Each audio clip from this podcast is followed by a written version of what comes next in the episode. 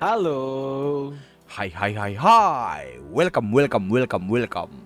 What's up everybody? Balik lagi di sini bareng gue Adin dan tentunya temen gue The one and only Afri Rama. di podcast Ngudut. Ngobrol with my dude.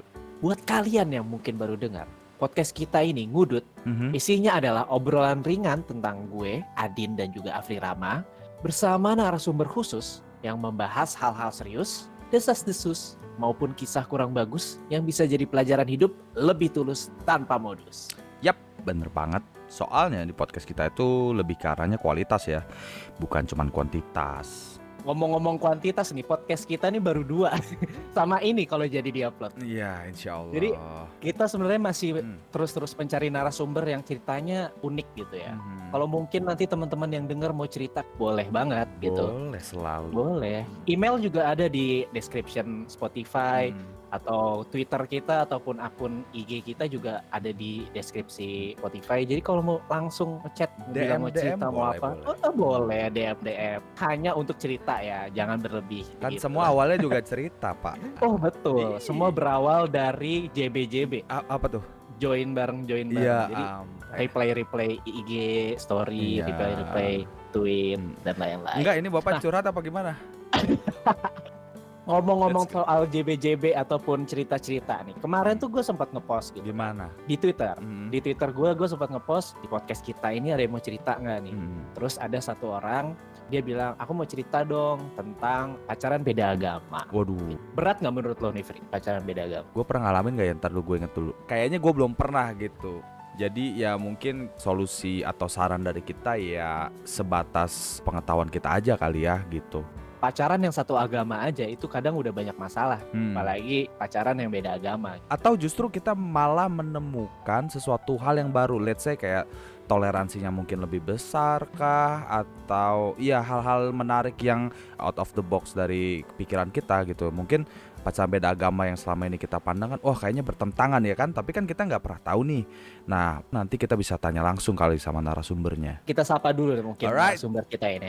Let's go. Halo Rin. Hai Hai. Hai, Halo, suaranya tuh suaranya tuh beda banget sama lu, Fri. Kalau dia tuh merdu gitu. Kalau kalau lu gua merdu kata nyokap gue merdu ya. iya Gagak Papua nih suaranya. agak-agak Zimbabwe Selatan Iya, Papua memang. Selatan. Iya. bener. halo Rin Halo Rin, apa kabar kamu? Hai, kabar baik. Kalian gimana kabarnya? wah kita Eh, Alhamdulillah.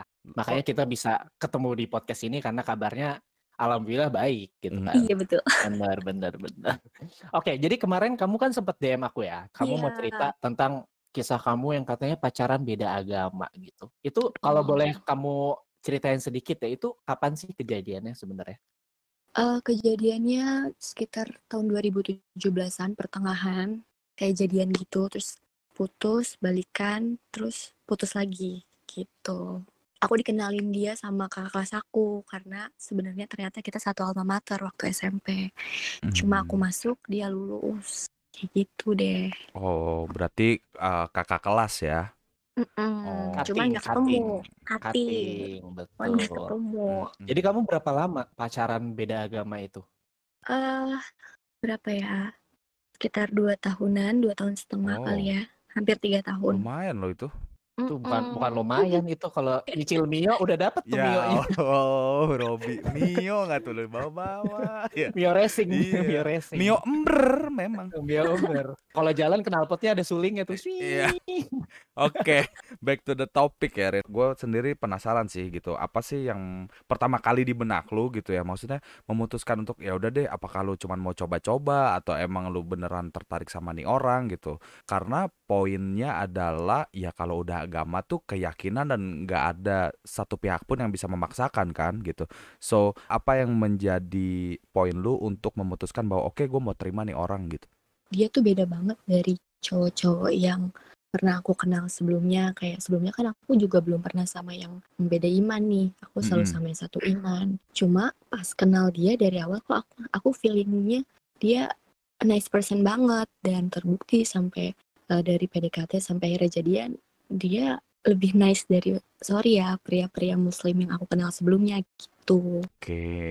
Dan Ya, kamu juga somehow penasaran berarti kan? penasaran sama nih orang kayak ini dia eh, kayak gini apa karena dia lagi ngedeketin gue atau memang ya realnya dia mau sama gue atau enggak ya seperti itu gitu Mm-mm-mm. karena kan sempat pernah putus kan dan dia tetap seperti itu Tetap baik ya. tetap baik nggak yang neko-neko gitu nggak kayak cowok-cowok sekarang atau cowok-cowok yang kayak eh banyak tingkahnya dia tuh nggak banyak tingkah orangnya udah lurus-lurus aja Hmm. Tapi kamu banyak putus nyambung ya tadi kamu bilang. aku putus dua kali Kenapa? pertama karena ketahuan Ah, ah, ketahuan apa nih?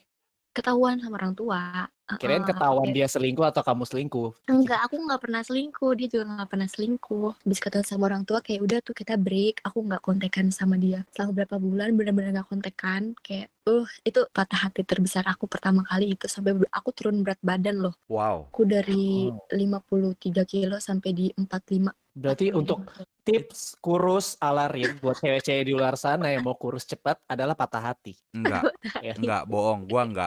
Gua patah hati dan gua nggak kurus. Oke, next. Skip, skip. Enggak, apakah dia pacar pertama lu mungkin? enggak bukan pacar pertama dia berapa ya Oh. Dia Oh. keberapa ya? Mikirnya udah lama ya kayaknya. Banyak juga ya. Oke. Iya, iya, iya, iya, dia iya. bukan yang pertama sih cuman kayak yang lebih mengena Oke. Terus yang kedua putusnya karena karena LDR Oh, jadi kamu emang dua tahun itu LDR atau baru LDR Iya. ketika Oh. LDR LDR LDR-nya di- dari mana ke mana? eh Citayam Batam Oh, Oh. sama lah ya belakangnya am-am ya. iya am am Jauh juga. Gitu. Tuh di, di Batam ngapain dia kegiatannya? kerja Oh, dia kerja kerja. di sana Oh. Berarti kamu pacarannya hanya by virtual, maksudnya video callan. Ketemu kalau lagi pulang Eh, video call udah nggak pernah semenjak ketahuan Hmm. Oh, Udah pernah. jadi jadi kamu menghindari karena di rumah takut uh, Iya kelihatan. betul betul betul kalaupun mau video call ya kalau misalkan aku lagi di kampus atau gimana kayak gitu intinya lagi nggak di area rumah Se- Berarti kalau misalnya dijabarin ya, kamu itu problemnya ada tiga. Yang pertama Apa? adalah beda agama, Heeh. yang kedua adalah LDR, yang ketiga adalah backstreet.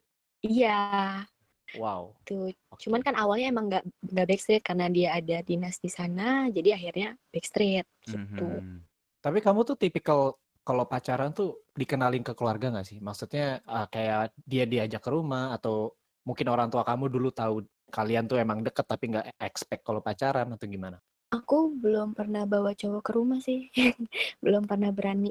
Jadi kayak aku mikirnya kalau cuman kayak buat have pacaran yang bercanda-bercanda, aku nggak nggak mau nggak akan mau bawa ke rumah. Kalaupun aku bawa ke rumah, mungkin rentang waktu udah setahun lebih baru aku mau bawa. Aku punya tetangga mulutnya agak-agak rese gitu kalau aku Hmm. gonta-ganti Iya, cowok iya, bawa ke iya. rumah. Paham Wah. banget itu, paham banget. ya. Ih, Hmm. aku nggak pernah bawa cowok ke rumah. Warga Hmm. Citayam ya. Warga Citayam banget. Citayam, Citayam style banget, Citayam Citayam style. banget. Parah, papa parah woi. Oke, jadi em, kamu pacaran 2 tahun LDR, kemudian Mm-mm. uh, backstreet dan Mm-mm. eh, jadi putus terakhir itu yang menyebabkan kalian literally berpisah LDR itu. Iya, itu. itu Oke. itu itu dan aku pernah ada omongan gini sih kayak kita bikin perjanjian aku nggak apa-apa kalau kamu sama yang seiman tapi kalau kamu nggak sama yang seiman aku nggak bisa aku akan mencoba mengganggu dia bilang kayak gitu dan aku juga bilang oh aku juga nggak apa-apa kalau kamu sama yang seiman kebetulan dia orang Batak dan harus Batak aku bilang Hmm. Tapi keren sih, keren sih menurut gua karena kedua belah pihak ini sama-sama realize gitu loh, Din. Maksud gua sama-sama mengerti keadaannya bahwa ya mungkin kalau kita terusin nanti ada rintangannya kah atau apa, mungkin juga kalau lu menemukan orang lain yang seiman yang bisa ngedukung lu, it's okay gitu loh. Ya cukup terbuka sih menurut gua relationshipnya. tadi aku denger rintangan aku jadi keinget sampai pernah orang tua aku sampai pakai semacam orang pintar gitu loh Waduh, Oh, ka- karena pikir kamu dijampe-jampe. yes bener banget ya Bener banget. Masih konservatif banget ya. Mm. Dijampe-jampe. Terus oke. akhirnya gimana? Maksudnya coba ceritain deh. ya aku waktu itu frustasi banget kan itu kejadiannya pas pertama kali putus tuh aku frustasi banget kayak sampai berat badan turun aku yang kayak bener-bener nangis aku tuh berhenti nangis kalau aku ketiduran aku kebangun wah aku udah nangis dari nangis yang pelan sampai yang kayak ngeraung-ngeraung kayak wah udah parah banget Kamu sampai sesayang aku itu ya berarti ya. iya Sebucin itu. Oke. sebucin itu Dan itu cowok pertama kali yang bikin kamu kayak gitu. Iya aku nggak pernah kayak aku tipe kalian kayak agak-agak cuek juga sebenarnya sama cowok. Kayak kalau dia udah aku rasanya dia udah nggak ini nih ya ya udah terserah lo mau kayak gimana. Ya putus putus. Kayak gitu. Gak tau sampai ini kenapa aku sampai bisa sedalam itu perasaan aku. Terus sampai ada satu ketika aku mandi nih kok airnya bau bau wangian gitu kan. Aku berusaha positif thinkingnya karena pada saat itu om aku sakit. Aku bilang ini mah nyium gak sih air bau kan kalau mau sikat gigi kan kita harus kumur-kumur dulu dong. Mm-mm, dan mm. itu nempel di lidah aku. Aku nggak nggak mau. Akhirnya aku kalau mandi tuh selalu pakai air galon karena bau bau wangian gitu. Terus aku bilang mah ini jangan-jangan tanda tanda om aku mau meninggal. Kemarin kebetulan seminggu setelah itu om aku meninggal. Ya kali kata mama aku kayak gitu. Udah dong positive thinking aja aku. Pertanda kadang orang masih suka ada yang percaya pertanda-pertanda kalau keluarga mau meninggal ada gimana gimana kan. Mm-mm. aku main ketemu sama temen aku ternyata temen aku baru bilang lo tau nggak Rin? Bokap lo waktu hari apa ke rumah gue? Ngapain? Ya biasa lah nanya-nanyain lo dia bilang gitu. Hujan-hujan. Serius? Iya. Ngobrol terus nanya-nanya ke gue ya gue jawab ya sepengetahuan gue aja ya. Gue juga nggak melebih melebihkan dan nggak mengurang-ngurangin bokap lo di situ cerita buat orang pintar gitu kayak beli minyak minyak nggak ngerti aku minyak apa intinya minyak dan itu harus ditaburin dituang ke air toren rumah aku dan pakai air kelapa muda atau kelapa hijau gitu. Iya, kalau nggak salah setiap hari Jumat. Oh terus aku bilang oh ya ampun gila gila aku bilang. Pantesan air rumah gue dua mingguan bebauan kayak gitu anjir. Aku bilang kayak gitu dong. Sampai gue nggak mau mandi kalau nggak pakai air galon air aqua soalnya nempel di lidah ya anjir bener bego itu bokap lo beli ramuan-ramuan itu sama orang Hmm. pintar harganya sekian juta dibilangnya kayak gitu Waduh. itu aku tahu dari situ Cuman maksudnya itu kan karena tingkah konservatif keluarga kamu ya, yang masih Mm-mm. berpikiran sangat klinik gitu. Cuma mau mau nanya lagi nih balik. Eh, kamu tuh? bilang dia adalah cowok pertama yang ngebuat kamu sebucin itu, ya Mm-mm. kan? Tadi kamu udah mention di awal personalitinya yang berbeda. Selain itu emang apa sih? Maksudnya treatment apa yang kamu dapetin dari dia yang ngebuat kamu ngerasa gila gue kayak kehilangan banget sosok dia sampai segitunya kamu bisa turun berat badan. ya aku tuh orangnya nggak sabaran sebelumnya. Serius aku orangnya nggak sabaran banget. Kayak ah lama nih males ah. Hmm. udah ah gue tinggal atau lama banget sih nggak balas balas blok kayak gitu biasanya nih Waduh. sama cowok-cowok yang lain.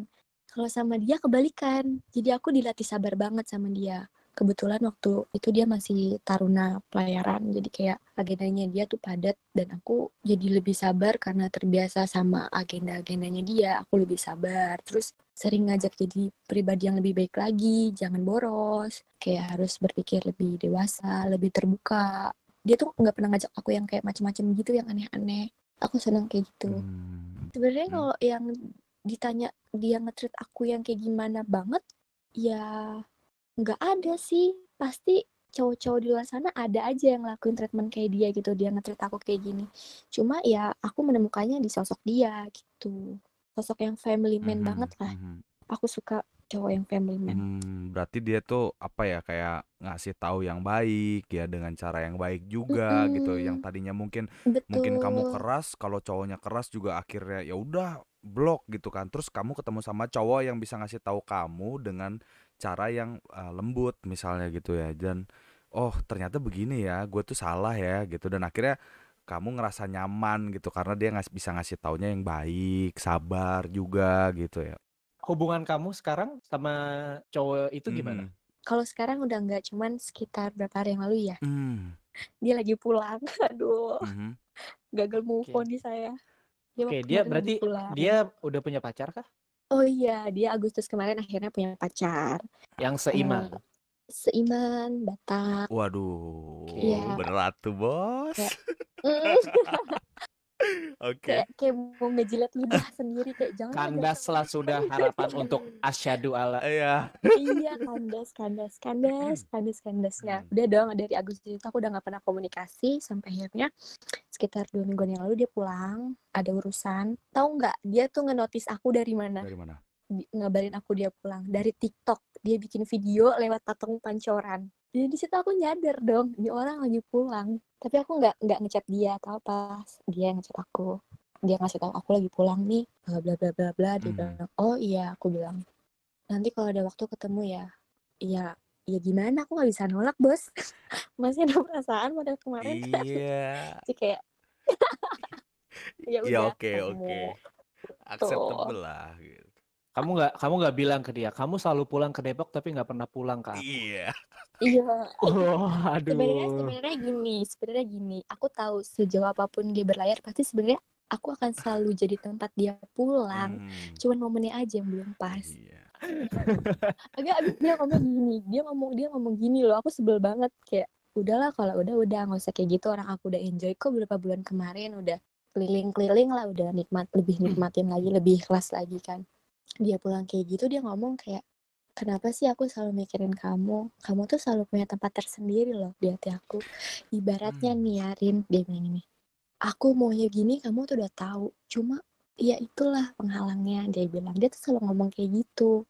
Kan jadi mikir ya kayak aduh pusing pusing gitu. Hmm, Tapi kalian tuh pernah ada pembahasan nggak? Misal sampai mau ke jenjang serius, kalian akan gimana gitu? Pernah pernah. Dan gimana resultnya? ya pada dasarnya kalau kita harus menyatu ya dia sebenarnya mau aku seiman sama dia. Tapi ya dia nggak bisa kalau aku ikut dia karena karena dia bukan karena keyakinan akan apa yang dipercayai pun sebaliknya aku kayak gitu. Karena family dan Tuhan nomor satu lah ya. Hmm. gimana ya orang ngikutin keyakinan kita tapi karena kita bukan karena apa yang kita yakini tuh kayak ya dibuat-buat dong bukan dari bukan dari hati dong Tapi sebenarnya kamu sendiri mau nggak sih berkorban pindah gitu let's say kalau ada yang harus pindah misalnya? iya dari kecil doktrinan kita tentang agama kita kan susah kan susah Mm-mm, kan sampai di YouTube cari tentang apa pendapat ustadz ini pendapat pendeta ini Christian Prince segala macem ap- apa ustadz Abdul Abdul siapa gitu aku sampai lupa Hmm, itu udah hmm. kayak kita research research tapi ya emang pada dasarnya kita nggak bisa meyakini apa yang sama-sama kita yakini aku nggak bisa meyakini apa yang dia yakini dia juga gitu ke aku. Hmm. aku jadi mikir ya setelah pengalaman aku kemarin kayak kok bisa ya orang yang udah satu iman satu keyakinan kok mereka malah nggak mau sama-sama berjuang gitu loh. Maksudnya Hmm. kenapa harus mental? Ya sedikit perbedaan menurut aku ya memang wajar lah. Kayak ya memang harus saling melengkapi. Menurutku nggak ada nggak ada pasangan yang sempurna ketemu sama sempurna tuh nggak ada yang ada tuh sempurna sama yang kurang karena untuk saling melengkapi aku lebih percaya prinsip yang kayak gitu sih kayak baik dan jahat harus ketemu nggak nggak bisa nih baik sama baik ya terus yang jahat masa akan jadi jahat juga kan nggak kayak gitu aku mikirnya kayak gitu Mhm. Tapi memang kadang kita itu dalam hidup sering dipertemukan sama orang yang salah. Mm-mm. Untuk kita tahu mana yang benar dan mana yang salah. Iya gitu. Jadi ketika kita ditemuin sama orang yang salah, kita pun jadi belajar, kita pun jadi lebih dewasa, kita pun jadi lebih tahu ketika oh ternyata selama ini yang gue lakuin tuh salah, oh ternyata yang gue pilih selama ini tuh pun bener. Kadang kita juga ditemuin sama orang yang salah karena emang kita yang terlalu tergesa-gesa gitu. Mungkin Iya. kita yang terlalu cepat baper, kita yang terlalu cepat mengiyakan sesuatu, kita yang terlalu cepat untuk membuka hati gitu. Jadi kita, sampai akhirnya kita nggak prepare, kita nggak detail mempelajari seseorang dan akhirnya jadi ketemu yang salah. manusiawi ya maksudnya apa pun pilihannya dengan segala resikonya dan kita mesti tanggung semua gitu itu menurut gue sih manusiawi banget gitu ya either itu salah atau benar gitu tapi setidaknya uh, selalu ada pelajaran selalu ada pengalaman yang bikin kita jauh lebih baik sih gitu Sebenarnya hidup itu nggak ada pilihan baik dan pilihan buruk. Kadang mungkin orang menganggap berpisah itu buruk, tapi ternyata berpisah itu menghindarin kita dari toxic relationship, menghindarin kita Betul. dari uh, mental health issue dan lain-lain gitu kan. Jadi Mhm. ya nggak ada yang baik dan yang salah, semuanya itu emang ya memang hidup pelajaran gitu dan mungkin yang Rin alamin kemarin itu ya yang memang harus dia jalanin dan Mhm. akhirnya dia pun jadi tahu sesuatu yang baik akan lebih baik ketika punya suatu visi yang sama dan itu suatu hal yang konsekuensinya sangat berat ya untuk apalagi ketika mau ke jenjang yang lebih serius ya Mhm. ngomongin Betul. keluarga. Pasti, pasti. iya By the way, ngomongin keluarga nih, Rin, kan tadi sampai Ya. bokap tuh datang, ya let's say ke dukun lah gitu Orang ya. pinter, Orang orang, Orang Iya. pinter, emang kita bodoh gimana nih? orang pinter minumnya apa? Minum air. angin. Tolak angin, benar. Jadi untuk para brand tolak angin yang mau masukin ke podcast kita, boleh banget ya boleh. Iya boleh ya. bo- Masuk masuknya halus kita, masuknya halus tenang. Nah, back to the question adalah ada nggak sih sikap mereka yang mungkin berubah melihat kamu gitu? eh iya berubah berubah sih terutama sama papa ya papaku tuh memang dari dulu orangnya protektif sama aku karena mungkin aku anak pertama dan perempuan nggak senang kalau ada cowok yang deketin gimana-gimana. Hmm. Terus sampai akhirnya ada perubahan-perubahan papaku yang cukup signifikan, cuman aku berusaha mengabaikan itu karena ya kekecewaan aku gitu kan. Cuekin aja lah pokoknya dia ada di rumah, tapi aku nggak nganggap dia ada. Mhm. Terus dari situ dia sering jarang pulang. Oke. Eh, berarti jarang pulang itu apa kamu punya apartemen kah atau punya No. rumah lain kah? Dia jarang pulang karena selingkuh. Wow. Maksudnya tadi si Afri nanya ada perubahan gak ketika tahu kamu pacaran beda agama dan lain-lain dan papa kamu jadi selingkuh. Berarti secara nggak langsung dia menyalahkan kamu. Ya dari apa yang dia oh, bilang sih ya, dia selingkuh tuh karena akunya cuek, dia tidak menganggap dia ada di rumah kayak gitu. Hmm. Dia Hmm. ya udah melampiaskan dengan itu. Tapi sedikit lucu ya alasannya. Maksudnya Nggak nyambung em, kayaknya. nggak nyambung gitu karena yang menikah adalah papa kamu dan mama kamu, bukan kamu dan papa kamu gitu kan. Hmm. Dan yang mentreat cuek itu adalah kamu ke papa Papaku, kamu gitu. iya. Dan kenapa dia menjadikan kamu alasan ya sebenarnya? Tapi mungkin memang alasan egois aja sih itu sebenarnya cuma cari-cari alasan nggak sih maksudnya? mungkin. Aku no Iya, judge ya, aku no judge. Tapi, Tapi- kayaknya memang gitu deh.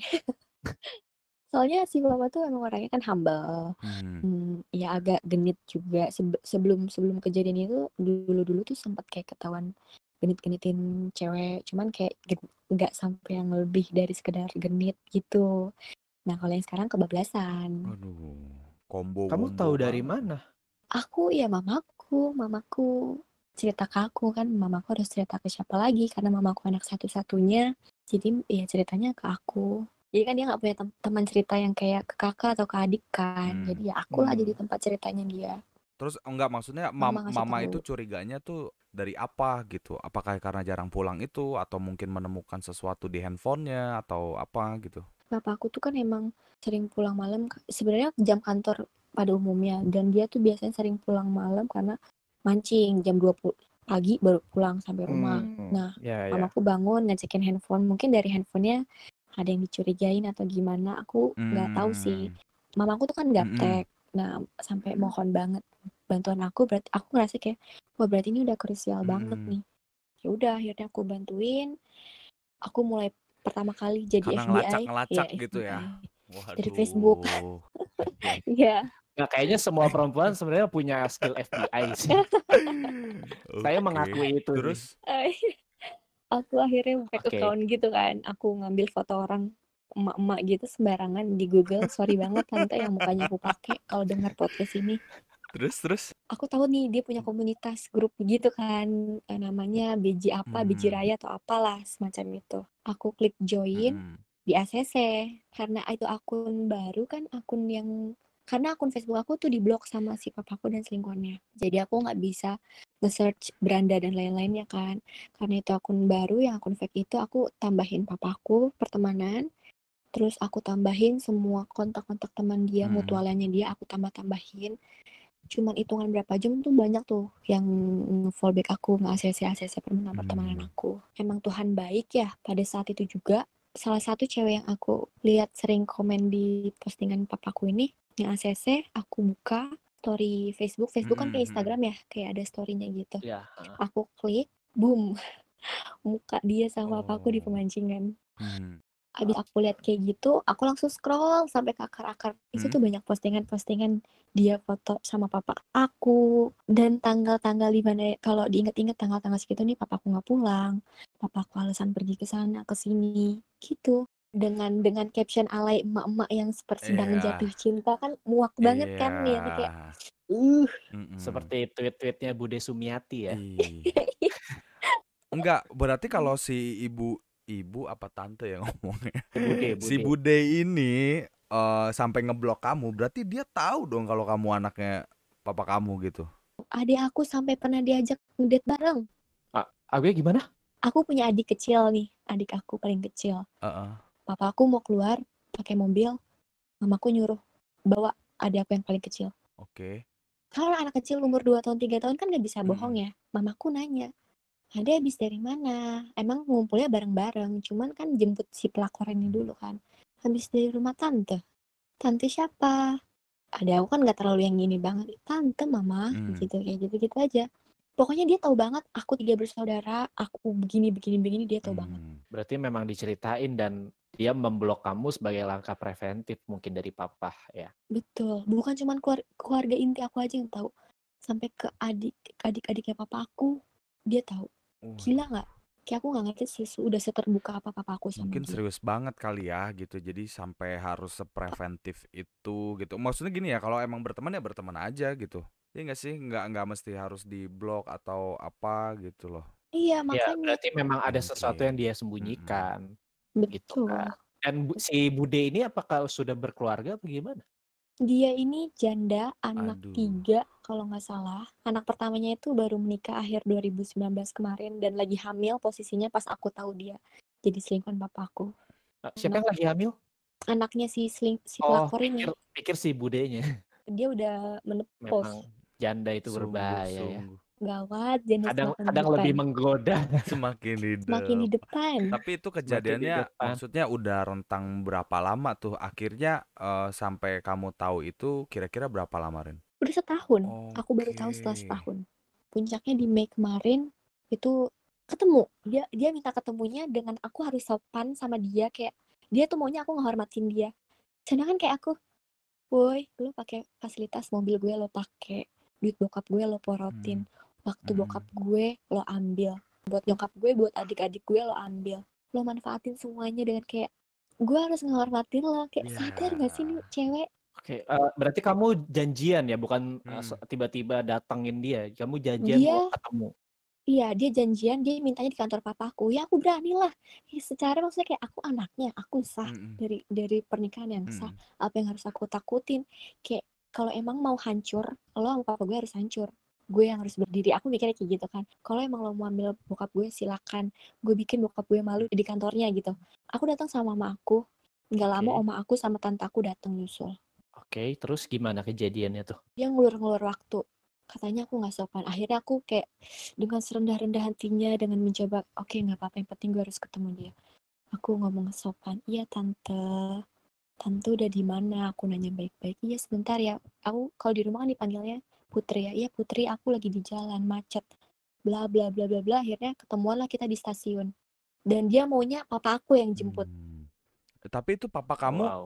pasti kan Kayaknya ada papa- omongan dong dari kamu atau mama kamu gitu untuk maksudnya ngapain nih keluarga gua datang ke kantor misalnya gitu nggak? Jadi pelakor ini tuh kalau mau balas WA aku bukan blok dulu abis abis balas dia blok terus dia mau balas Hmm. lagi dia jadi aku nggak nggak ada kesempatan untuk sedikit banget kesempatan aku buat ngomong ABCD gitu karena udah aku Hmm. baru diblokir. Mm-mm. aku jam 7 pagi belum mandi langsung aku berangkat ke Depok pagi-pagi. Karena dia bilang dia sudah di jalan gitu kan posisinya. Oh aku pikir ya udah berarti sebentar lagi dia mau sampai. Dia dan di- itu dia yang minta di kantor papaku kan. Tapi berarti eh- papa papa tahu dong kalau kamu mau ke kantornya dia.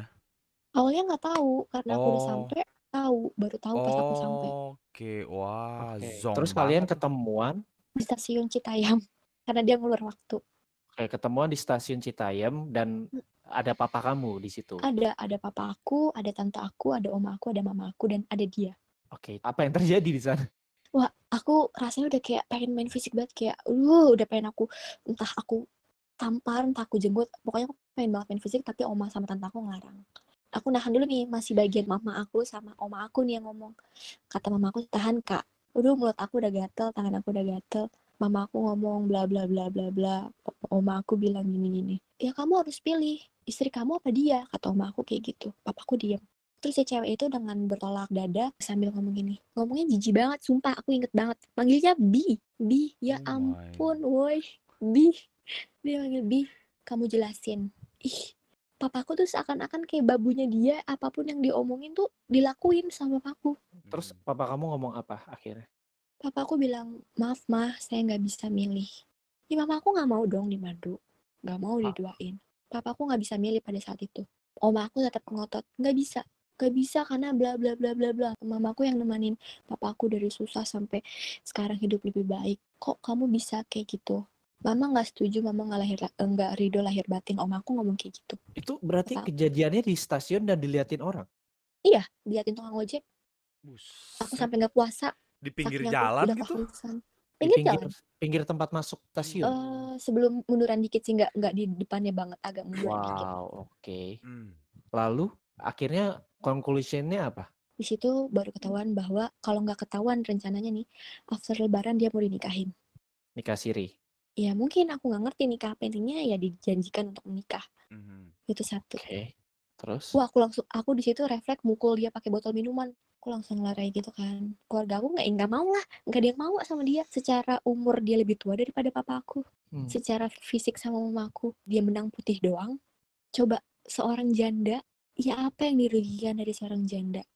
Ya dia udah pernah melahirkan, dia udah nggak perawan lah. Kasarnya kan kayak gitu ya. Hmm. Masa minta mahar, minta sejumlah uang mahar, lo perawan bukan? Emang lo pikir bokap gue Oh, kalau jadi ngomong dia perawan? ada ngancem gitu ya? Iya, iya. Terus Gila itu nggak? maksudnya kalau nggak dikasih terus emang dia ngancemnya apa? Ya dia tetap mau melanjutkan hubungan itu. Dia bilang gini, ya saya nggak menjamin kalau suami anda nggak akan balik lagi ke saya. Gila gak? Wow. Oke, Kayak, terus ya gimana? Aku bilang, nggak bisa. Lo hancur. Lo udah ngancurin keluarga gue, lo juga harus hancur. Aku udah sampai search research keluarga dia, anak-anak dia, aku udah tahu anaknya tinggal di mana, keluarga ibu mertuanya di gimana gimana. Aku udah niat banget kalau emang dia masih nekat mau ngelanjutin itu, aku bikin hancur keluarga anaknya. Aku udah Mhm. senikat itu kan. Akhirnya dia bilang gini, dia nggak minta maaf sih. Dia dia ngom- ngomong apa, aku lupa ngomongnya apa. Dia nggak dapet mahar, ya jelas lah nggak ada yang mau. Aku juga nggak ridho banget ngasih duit ke pelakor gitu kan. Oke. Harusnya di situ kan papa aku sadar ya kayaknya dia cuma mau morotin gue doang. Cuman di situ bapak aku masih gila. Dianterin pulang, syaratnya ya udah minta dianterin pulang. Tapi tanpa diikutin siapa-siapa. Aku udah bersikukuh nggak Mm-mm. mau, nggak bisa, harus diikutin. Karena aku mikirnya yang nggak tahu di jalan dia make a deal apa kan kayak atau ngapain lah di jalan? Oke. terus kata oma aku berusaha ya udahlah kalau nggak apa-apa. Ya udah akhirnya aku ngalah lagi. Akhirnya kami pulang ke rumah aku pulang ke rumah aku. Nunggu papa aku pulang papa aku disidang lagi sama oma aku. Aku nggak ikutan tuh aku udah di kamar. Karena aku nyawarin solusi ke mama aku cerai. Aku bisa kok bantuin aku bilang kayak gitu kalau soal Hmm. ekonomi. Kalau mama masih mempertahankan dia ya mama ya udah urus deh mama sendiri aku udah nggak bisa bantu aku cukup bantu sampai sini aku bilang sakit hati aku belum belum selesai loh mah soal yang kemarin aku baru beranjak aku jadi pengen nangis kan. Aku baru mau beranjak pulih tapi hati aku udah dilukain lagi. Aku bilang kayak gitu sama mama aku. Nggak tahu nih hati aku bisa pulihnya Hmm. kapan loh mah aku ngerasa kayak wah mental gue udah terganggu banget nih udah makin makin aku bisa ngelakuin hal yang nekat tuh yang kalau aku kayak gini terus kan tertekan dengan mamaku yang selalu minta tolong ya aku nggak bisa aku mau nolong cuman ya karena masih ada rasa kesal yang sebelum sebelumnya kan jadi gimana gitu Tapi dari mamanya gimana gitu? Apakah masih mau tetap kasih kesempatan kedua misalnya gitu? mamaku orang yang paling mau memperbaiki itu semua mamaku Hmm. bilang kalau kamu mau sama aku mau balik sama aku mau memperbaiki semuanya aku terima aku memaafkan semuanya aku nggak akan ingat-ingat itu lagi maksudnya nggak tidak akan memper- Mhm. mempermasalahkan apa yang Mhm. telah terjadi Mhm. gitu mamaku bilang papaku di situ mengiyakan iya nih udah iya nih sehari dua hari masih agak kaku pasti lah ya after kejadian itu dan awal Agustus itu masih dapat gangguan dari si perempuan itu Siapa nih yang diganggu? si perempuan itu masih mencoba untuk deketin papaku dengan cara ngaku-ngaku mati. Wow, sangat Iya, drama ya. Parah banget. Dia nyuruh temennya ngechat ke papaku, bilang, "Bang, si perempuan ini sakit, masuk rumah sakit, bla bla bla bla." Kirim foto dia di infusan. Aku scroll di Google, aku SS, aku chat pakai WA aku. Sakitnya dari Google. Semoga cepet sembuh ya tante. Terus aku kayak gituin di read dirit doang nih sama temennya aku lihat di profilnya dia pakai foto aku SS aku kirim lagi ke dia tante nggak usah ikut campur ya kalau nggak mau tante malu di sosial media aku langsung diblok sama Hmm. temennya nggak lama soreannya dapat kabar katanya dia meninggal bunuh diri nggak relate banget. Di rumah sakit meninggal bunuh diri tapi polis lainnya ada di rumah. Terus temennya datang dua orang ke kantor papaku ngomongnya apa gitu aku lupa. Pokoknya ngaku-ngakunya sebagai saudaranya. Sampai yang terakhir kemarin ada orang lagi datang ke kantor papaku. Dua orang cowok eh, kata papaku nih fisiknya kayak orang-orang ormas gitu. Marah-marah ke papaku nunjuk-nunjuk papaku. Katanya aku masih suka ngechat dia ngata-ngatain dia. Padahal nggak pernah ngechat-ngechat dia lagi after kejadian di Mei mungkin di Juni aku masih suka ngechat dia karena dia masih masih gangguin keluarga aku banget gitu cuman after itu aku udah nggak pernah ngechat dia ngata-ngatain lah atau apa aku udah nggak pernah sama sekali Jadi gimana papa dan mama kamu sama perempuan itu juga sekarang gimana kondisinya? Ya berangsur-angsur membaik, mulai membaik lagi gitu ya. Sekarang ada lebih sering family time. Kalau sama perempuan itu sih ya udah nggak berhubungan. Aku nggak tahu ke depannya. Semoga sih jangan ya. Tapi kan kamu pernah kesal juga sama bapaknya dan Iya. sekarang kamu masih ngerasain kayak gitu gak sih? Pun kalau tanya itu aku masih belum bisa banget sampai Oh. sekarang. Ya karena masih baru juga sih, masih tahun ini ya. Mm-mm. Ya ya. Ini ceritanya sangat-sangat reality show in real Real life. life gitu. Jadi maksudnya dari kamu pacaran beda agama, kamu LDRan, terus kemudian akhirnya putus karena kamu beda agama dan LDR, terus kamu kemudian dibilang sama keluarga kamu kalau kamu dijampe-jampe dan ternyata itu ngejebabin papa kamu menjadi selingkuh dengan alasan kamu nggak nurut dia, kamu mengecewakan dia, membuat keluarga kamu terlibat masalah dengan seorang janda gitu kan. Iya. Cuma kejadiannya kan itu sangat-sangat cepat ya. Kamu bilang tadi kamu pacaran 2 tahun, berarti sampai 2019. Mm-mm. Ya kan? 2019 kejadian itu. How do you feel? Aku ngerasain sekarang a broken home aja sih. Walaupun maksudnya bukan yang secara mama papaku berpisah gitu ya. Perasaan aku ke papaku tuh kayak mati gitu. Hmm. Kayak dingin aja. Kosong. Hambar. Kecewa. Kayak takut sama cowok. Jadi takut gitu. Kayak mau mulai suatu hubungan lagi tuh takutnya karena dua. Karena aku yang belum bisa sepenuhnya buka hati untuk orang lain. Dan karena aku takut aku mengalami nasib yang sama seperti mamaku gitu. Kita tuh nggak bisa sih mukul rata semua cowok akan melakukan hal yang sama seperti papa kamu atau melakukan hal buruk lainnya gitu. Kita memang nggak bisa memukul sama karena setiap orang kan berbeda dan dididik dari tempat yang berbeda gitu. Tapi kalau aku sih mewajarkan kamu yang takut karena memang kamu mengalami itu sangat-sangat dekat gitu kan, yaitu dari keluarga sendiri gitu. Hidup kamu tuh berarti di umur kamu berapa? 21 tahun umurnya? Iya. Di umur Aku sekarang 21 21 tahun. ya, 21 tahun ini apa yang bisa kamu ambil? Em, yang pertama iman kita harus lebih lebih kuat ya, harus lebih dekat sama Sang Pencipta pastinya. Karena kalau misalkan jiwa kita nggak kuat, ya aku kayaknya udah gila di sekarang. Aku nggak tahu nih aku udah di rumah sakit jiwa mana sekarang dan nggak boleh sembarangan ngambil keputusan karena berdasarkan awalnya penasaran aja nggak boleh sih. Terus harus lebih hati-hati dalam memilih circle aku nggak bilang circleku yang kemarin karena ketemu dia jadi salah enggak cuman kayak lebih tahu porsinya kalau yang berbeda tuh jangan selalu mau Hmm. dipaksain kali ya karena bukan cuma butuh fisik yang kuat tapi ya rohani kita juga memang harus kuat intinya harus banyak-banyak deket sama Tuhan sih kayaknya biar Ya, nggak ya. salah arah Betul, betul, setuju banget. Hmm. Ya mungkin buat teman-teman yang dengar ya, mungkin buat teman-teman yang dengar ataupun sedang dalam hubungan yang seperti Rin, berbeda agama. Ketika nanti orang tua bisa diyakinin dengan cinta agama yang berbeda, bisa dimaklumin sama mereka. Tapi secara surat-suratan, berkas-berkasan, nikahnya itu di Indonesia masih sedikit sulit sebenarnya. Jadi itu Benar, harus benar bisa menjadi one of uh, consideration kalau kalian mau melanjutkan ke jenjang yang lebih lanjut dan intinya adalah tadi yang kayak gue udah bilang di awal seiman aja banyak masalahnya apalagi yang nggak seiman Kita tuh udah bisa memprediksi ya. Maksudnya kalau gue deket sama dia, kira-kira gue bisa jadi apa enggak, terus emang enaknya cuman buat temenan doang apa gimana gitu. Jadi konsepnya tuh kalau aku pribadi nih konsepnya mau apa? Mau pacaran doang atau mau sampai eh, let's say mau menikah gitu. Karena orang menikah itu perlu konsep ketuhanan itu menurut gua perlu Din. Jadi kayak lu tuh punya tujuan, satu tujuan, satu visi misi yang sama walaupun mungkin caranya berbeda ya kan tiap orang kepalanya beda dong. Tapi kalau mereka punya satu komitmen dan satu visi misi yang sama yaitu karena ya gua mau menikah karena ibadah. Gimana lu bisa beribadah gitu kalau misalnya masih berseberangan ini sih pengalaman gua punya teman-teman gitu ya mereka yang berseberangan dan akhirnya mereka menikah ketika kita berekspektasi kepada manusia kita itu cuman akan dapat kecewa gitu. Tapi kalau kita ekspektasinya ke Tuhan mana mungkin Tuhan mengecewakan makhluknya gitu. Kalau prinsip gue sih gini ya Fri. Jangan pernah menggadaikan sesuatu yang kita percaya dengan sesuatu yang kita cinta. Benar Karena- benar, benar. bisa aja kita percaya seseorang itu buruk tapi kita menggadaikan itu dengan oh gue cinta dia Gak apa-apa dia buruk tapi gue cinta dia kita tahu seseorang itu nggak baik untuk hidup kita, tapi kita menggadaikannya karena oh gue cinta dia. Jadi jangan pernah ngelakuin itu. Buat teman-teman yang denger, Jangan pernah kalian melakukan sesuatu hal yang nanti akan kalian bisa sesalin ke hidup uh, selanjutnya gitu. Jadi kalau memang udah tahu hubungannya kalian lagi deket sama seseorang yang beda agama dan tahu kalau misalnya keluarga kalian nggak bisa menerima itu, Mm-mm. mendingan jangan. Dan jangan pernah mikir kalau kalian datang ke hidup seseorang itu hanya untuk main-main karena nggak ada orang yang mau dimainin. Jadi lebih baik cut dari awal. Oke, batasan kita adalah seperti ini. Kita adalah teman, kita Hmm. adalah semua adalah teman. Tarzan adalah teman. jadi jadi jangan membuat seseorang di posisi yang merasa dimainkan lah intinya seperti itu. Mm-mm. Aku setuju banget sih.